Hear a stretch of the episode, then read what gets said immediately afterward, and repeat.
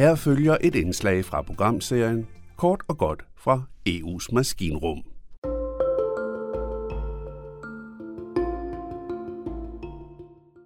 Nu hvor støvet har lagt sig efter de overståede klimaforhandlinger, de såkaldte COP-møder, så er det tiden til at rette bagspejls klare lys på forhandlingerne. Som vores metaforiske projektør til at kaste et kritisk lys på COP-forhandlingerne og EU's rolle under forhandlingerne, har vi valgt ham her. Jeg hedder Jakob Kronik. Jeg er international chef i organisationen Verdens Skov. Øh, vi er en organisation, som arbejder øh, for at, at redde, bevare skove, øh, oftest øh, rettighedsbaseret. Vi arbejder i seks lande, fire i Latinamerika og to i Afrika. Og så arbejder vi med de globale problemstillinger omkring øh, klima og biodiversitet og øh, civilsamfundets råderum, eller civic space, som man tit nævner. Jeg øh, har tidligere øh, arbejdet som, øh, som rådgiver for blandt andet regeringer og Verdensbanken, og så har jeg været forsker, øh, hvor jeg arbejder med, med biodiversitet og oprindelige folk. Når jeg siger COP, altså de her klimaforhandlinger og EU, hvad siger du så? Det er jo et stort emne, fordi øh, hvad kan man sige, med, med, med klimakoppen øh, eller Conference of Parties, øh, hvor, som mødes en gang om året, øh, der, der bliver jo behandlet øh, øh, ja, hele vores klima, så, så der, er, der, har, der arbejder man med, med, med udlænding, man arbejder med tilpasning, man arbejder med tab og skader, øh, finansiering og så videre. Og EU er jo meget til stede selvfølgelig som øh, en, øh, en økonomisk og en politisk magt, som forener altså det kompromis, man kan blive enige om i, i EU, øh, og, og, og så går efter øh, både kan man sige, EU's egne interesser, og så, så vidt muligt at, at kunne øh, efterleve Paris-aftalen. Ikke? Ja. Når vi nu ser på COP, og så på resultaterne, hvor godt synes du så, at EU har spillet sine kort? Jeg tror, at altså, altså der, der er tider, hvor, hvor, hvor jeg har været meget skuffet over, at, øh, at, at EU ikke har taget mere lederskab, end, end, øh, end vi har set. Der har været øh, klimaforhandlinger, hvor at det kun har været, hvis, hvis USA og Kina har sat sig sammen i god tid for inden og, og, øh, og kommet øh, forbi deres andre uenigheder, og så faktisk ligesom har valgt at sige, at vi skal faktisk lande noget. Så der synes jeg, at, at, at, at EU måske øh, godt kunne gå ind og tage, tage mere lederskab. Der er situationer, hvor vi ser EU tage, tage lederskab. Øh, senest øh, i, øh, i Sharm el-Sheikh, hvor, hvor under COP27, hvor vi så øh, EU øh, måske lidt overraskende komme med forslaget om at lave en, øh, en international fond i forhold til tab og skader. Øh, men så med den finte, at, at, øh, at Kina og, og andre store ulande, men som udleder meget, også skulle være med til at finansiere det. Og det var selvfølgelig et, et vigtigt forslag, men jo også, øh, at det var ikke kommet uden øh, mange, mange års øh, hårdt pres fra, fra de fattigste lande. Øh, så, så man kan sige, en, øh, en, en positiv kraft på, øh, på nogle områder, og øh, og heller ikke nok endnu i forhold til at, at kunne efterleve øh, Paris-ambitionen om, øh, om halvanden graders målsætning. Ikke?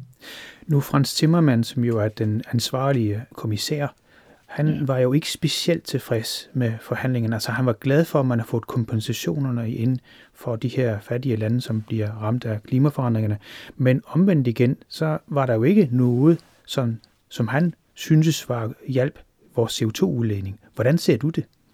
Det er rigtigt, og jeg, jeg, jeg er meget enig. Altså, altså EU er jo også, skal jo også levere på, øh, på at, at mindske udledningerne, men det er klart, at, at, at det, er et, det var et spor i forhandlingerne, som slet ikke fik nok opmærksomhed, øh, og, og blandt andet fra, fra formandskabet eller præsidentskabet, som, som øh, Ægypten øh, og øh, altså det, der var meget, det var uigennemsigtigt øh, for både for civilsamfundet, men jeg tror også for store dele af, af, af parterne, altså landene, regeringerne, vidste heller ikke, hvor, hvor det hele der øh, ligesom gik hen af. Der var meget lukkethed fra formandskabet omkring, øh, hvad indeholder teksterne, øh, altså de tekster, som skal blive til en sluttekst, som, som landene i fællesskab skal blive enige om til allersidst.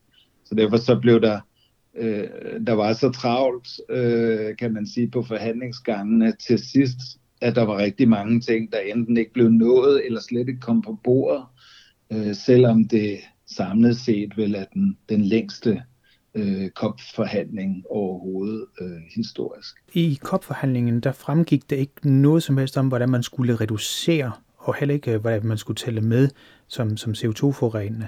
Hvordan øh, ser, altså, havde man for store forventninger til COP-forhandlingen den her gang? Ja, der, der er store forventninger også efter altså Glasgow øh, året før, hvor der ligesom blev berammet, at hvert år, der skal vi stramme skruerne i forhold til øge reduktionen af udledningerne.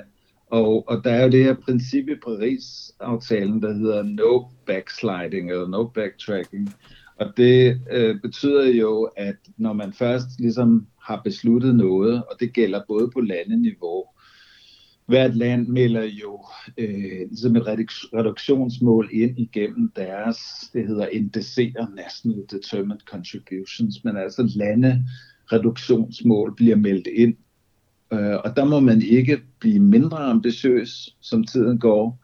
Men det, som, som så også blev besluttet i Glasgow, det var, at man skulle faktisk blive mere og mere øh, ambitiøs. Og det så vi ikke. Øh, og og øh, man kan sige, hver gang IPCC, øh, altså FN's øh, klimaforskerpanel, øh, kommer frem med en ny rapport, så, så ser det ud til, at der er mindre og mindre tid at handle i, i forhold til at kunne øh, få en verden, som, som, som øh, er bare nogenlunde okay at leve i, både for os selv, fordi det går hurtigt, men også for, for fremtidige generationer. Jeg er jo kronik for Verdensskov tiden løber ud, som du siger, øh, og det er de halvanden grads reduktion, altså rettere sagt, at, at temperaturen kun må stige halvanden grad, men det lyder ikke ret meget. Altså hvorfor skal vi være sådan, hvad skal vi sige, være bange for, at temperaturen stiger fra i dag for eksempel fra 4,5 grader til 6,5 grader? Altså forskerne har, har vist, at, at øh, og faktisk er vi meget tæt på, på den halvanden øh, grads forøgelse i forhold til, til før øh, industrielle jeg tror allerede, vi er på omkring 1,3 grader. Så det bliver meget svært at, at holde os på den halvanden grad. Men det, vi kan jo se nu, i forhold til for eksempel for, for mere end 10 år siden, da vi var i, i, i København øh, under COP15, nu kan vi faktisk se øh, konsekvenserne af den øh, stigning, der har været siden da. Altså, der er meget stærkere orkaner. Uforudsete tørkeperioder er meget voldsomme og meget længere. Vi ser øh, kæmpe oversvømmelser. Øh, en tredjedel af Pakistan ligger under vand for tiden.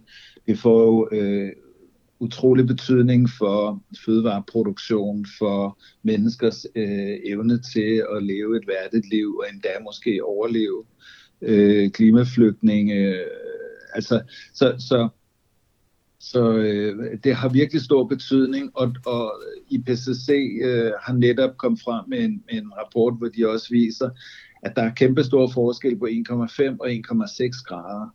Altså det er ikke bare sådan, at nu syser vi os lidt, og, og, og, og om det bliver 2 eller 2,5 grader. Det er, det er simpelthen på, øh, på en anden decimal, at, at der er store øh, ændringer. Og, og der er forskerne altså sådan helt fremme i sædet i forhold til at sige, at øh, det her det, det bliver et stort problem. Ikke? Det lyder ikke meget, gør det der, altså 0,1 grad. Altså jeg kan slet ikke forestille mig, at det skulle have nogen betydning. Nej, øh, og man kan sige, det er jo så gennemsnittet for hele kloden. Og nogle steder, man kan sige, øh, ved polerne, der vil være meget større udsving end, øh, end, end middel øh, eller gennemsnitstemperaturen. Ikke?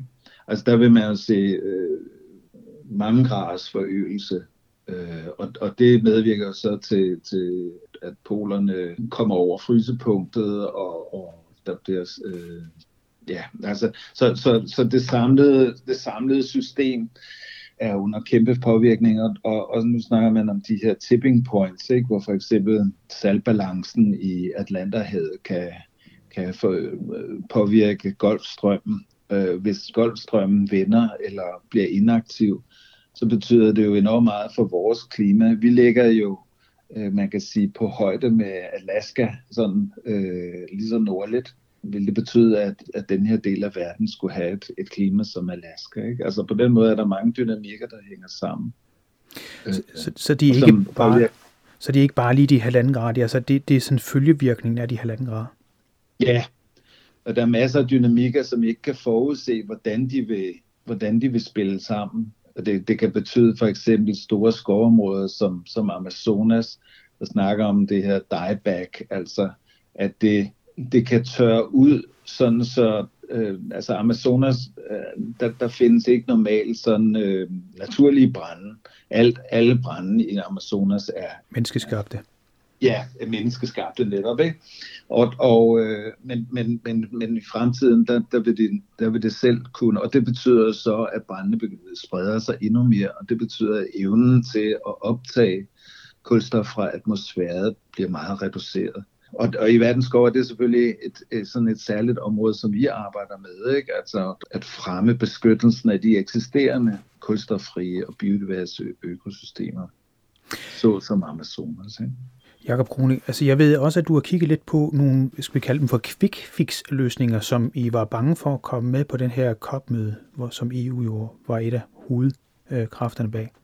Ja, det er rigtigt, og, og, og vi er jo det er nogle gange lidt ærgerligt, at man skal bruge energi på øh, at stoppe øh, falske eller dårlige løsninger. Øh, men, men en meget stor del af, af civilsamfundet, der var til stede, og der snakker vi hundredvis af organisationer, fik aktiveret mange regeringer også øh, til at stoppe nogle tekstforslag, som skulle lægges frem af det, der hedder supervisory body. Det skulle lægges frem til øh, embeds, embedsfolk og politikere. Og, og deri var, var, havde snedet sig nogle formuleringer ind om, øh, om removals, altså hvordan man, man flytter eller fjerner øh, CO2 fra atmosfæren. Og, og man kan sige, at den, den, den øh, nemme måde at gøre det på, eller den naturlige måde, det er jo gennem fotosyntesen, hvor økosystemer optager øh, kulstof og, og, og frigiver øh, ilt. Og der er selvfølgelig også andre måder. Øh, nogle er, er ikke så, så gennemprøvet nu. Men noget af det, som vi var bange for øh, kunne blive fremmed her, det er for eksempel at, at gøde verdens, verdenshavene. Og det lyder jo lidt vanvittigt, og det er det også. Altså, formålet skulle være, at man, man, øh, man, man gøder store dele af verdenshavene, som så, hvor plankton og andet så selvfølgelig begynder at optage en masse kulstof. Øh, og det kan man sige umiddelbart lyder som positivt i forhold til vores klimaproblem. Problemet er jo, at øh, vi ved, hvad der sker med ildsvind og så videre. Øh, det ville kunne øh, føre til, til ødelæggelse af, af liv øh, under, under vand, ikke? og selvfølgelig også påvirke vores fødevareforsyning og så videre. Så på den måde, der, der, det er jo lidt ærgerligt, at man skal bruge så mange kræfter på, i stedet for at forsøge at gøre noget godt, så, så skal man øh, arbejde imod noget, som, som går den forkerte vej. Men, Men sådan er det jo også i de her forhandlinger. Men altså søgræs kan optage rigtig meget, det har vi haft med en anden udsendelse, at søgræs kan optage rigtig meget CO2, man kan faktisk ikke tåle gødning. Så det er en helt anden historie. Men jeg vil så lige spørge til, altså skove, I arbejder for verdens skove. Ja. Hvordan, altså kan skovene redde os altså på så kort sigt? Fordi der er jo været fremme, at uh, det er jo fint nok at plante skov, men det er jo nu og her, vi har brug for at reducere. Ja. Og det er et meget vigtigt point, punkt for, for os, og, og i virkeligheden også for, nu nævnte jeg IPCC før, men som, som altså verdens klimapanel har vist, at hvis man skal gøre noget hurtigt og effektivt, og det kræver situationen jo, øh, så, øh, så er den allerbedste måde det at investere penge i skovbevarelse. Og, altså, så de eksisterende økosystemer, herunder blandt andet for eksempel Amazonas og store skove i, i, i Afrika, optager rigtig meget. Så, så hvis man stopper med at afskove, så har man den positive, den dobbelt positive effekt. Dels at man, man sikrer det optag øh, af, af kulstof fra atmosfæren, som man, som man øh, fortsat vil have. Og så, øh, så mindsker man udledningen ved, ved, det, der ikke bliver brændt af.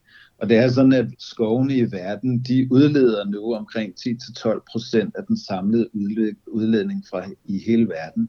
Og det er mere end hele EU til sammen. Det er mere end, end hele transportsektoren i hele verden. Så man kan sige, umiddelbart så burde det være, at vi ved, hvad der skal til, men det kræver politisk og økonomisk vilje fra, fra lande og de store aktører, som, som bidrager til øh, ødelæggelsen og afbrændingen af, af skovområderne. Det er jo blandt andet til at, at øh, øge den, den animalske produktion gennem dyrkning af soja og, og palmolie osv. Og det er, jo også, det er jo også noget, vi har beskæftiget os med i en anden udsendelse. Men det, det der lederskab, er det så det, du håber, at EU tager med sig næste gang, der kommer, og det er jo så i de arabiske emirater? Ja, altså det, det, det bliver mere og mere vigtigt, og, og, og det så vi også i, i, i Glasgow, at der kom naturen øh, for, for alvor på forhandlingsradaren, og, og der er et stort øh, kopmøde i Kanada, det er så over i biodiversitetskonventionen, som skal lægge rammerne for, for det her 10 år og det er et utroligt vigtigt øh, møde, hvor, hvor man vil kunne se øh, både klima og biodiversitet, altså naturdagsordenen smelte sammen. Øh, fordi man siger, at, at, øh, at naturen står for helt op til måske en tredjedel af den samlede løsning. Men deri der ligger også nogle problemer. Du siger, hvad, du nævnte det her med at plante skov. Og umiddelbart er det en fin løsning at plante skov, fordi det optager noget, noget kulstof, over tid. Problemet er, at vi har så travlt nu, at øh, når man planter noget skov nu, så, så går der rigtig mange år og, og årtier i virkeligheden, før det har en ordentlig effekt. Og, øh, og vi kan se i noget, der er en rapport, der lige er kommet ud, der hedder The Land Gap Report, at der er ikke, der er simpelthen ikke jord nok til at kunne levere så meget, som, som alle regeringer har skrevet ind i deres øh, reduktionsmål, at de vil gøre igennem skovplantning. Øh, så, så vi kommer til at se øh, øgede konflikter omkring adgang til jord, øh, hvis det her understøttes. Og så skal man passe på med, når, når man som regeringer tror, at man kan leveret alle de reduktioner igennem skovbeplantning, og man så ikke lever op til det, så kommer vi jo til at mangle nogle reduktioner. Og, øh, og det er noget af det, som, som øh, blandt andet er blevet diskuteret i, i artikel 6-forhandlingerne i Ægypten og, og, og også næste år i Emiraterne. Øh, tror jeg, det bliver, det bliver også et hovedemne. Så, øh, så ja, så øh, næste år det bliver øh, meget væsentligt at, at få gjort øh, noget ved udledningerne. Og det kan man sige, det kan godt være, at det bliver svært, når det er i, i, i et olieland. Og vi så, at har set, at, at olieland jo også har haft øh, meget stor påvirkning, og olieindustrien, hele den fossile industri, har haft meget stor påvirkning på forhandlingerne undervejs. Det er sådan noget, man tæller op, og det er den, den samlet set største delegation af alle delegationer. Det var den fossile industri.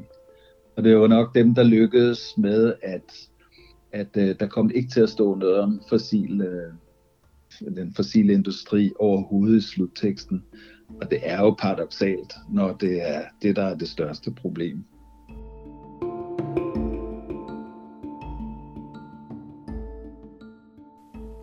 Sådan sagde altså international leder for Verdens Skov, Jakob Kronik. Som du netop har hørt, så kommer der et andet kopmøde lige om lidt. Et møde, der så ikke kun drejer sig om klimaforandringer. De møder følger vi naturligvis også op på.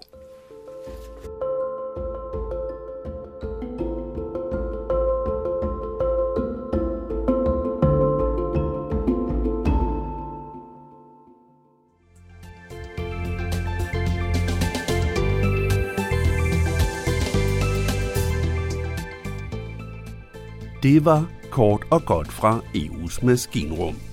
Journalisten han hedder Jan Simmen.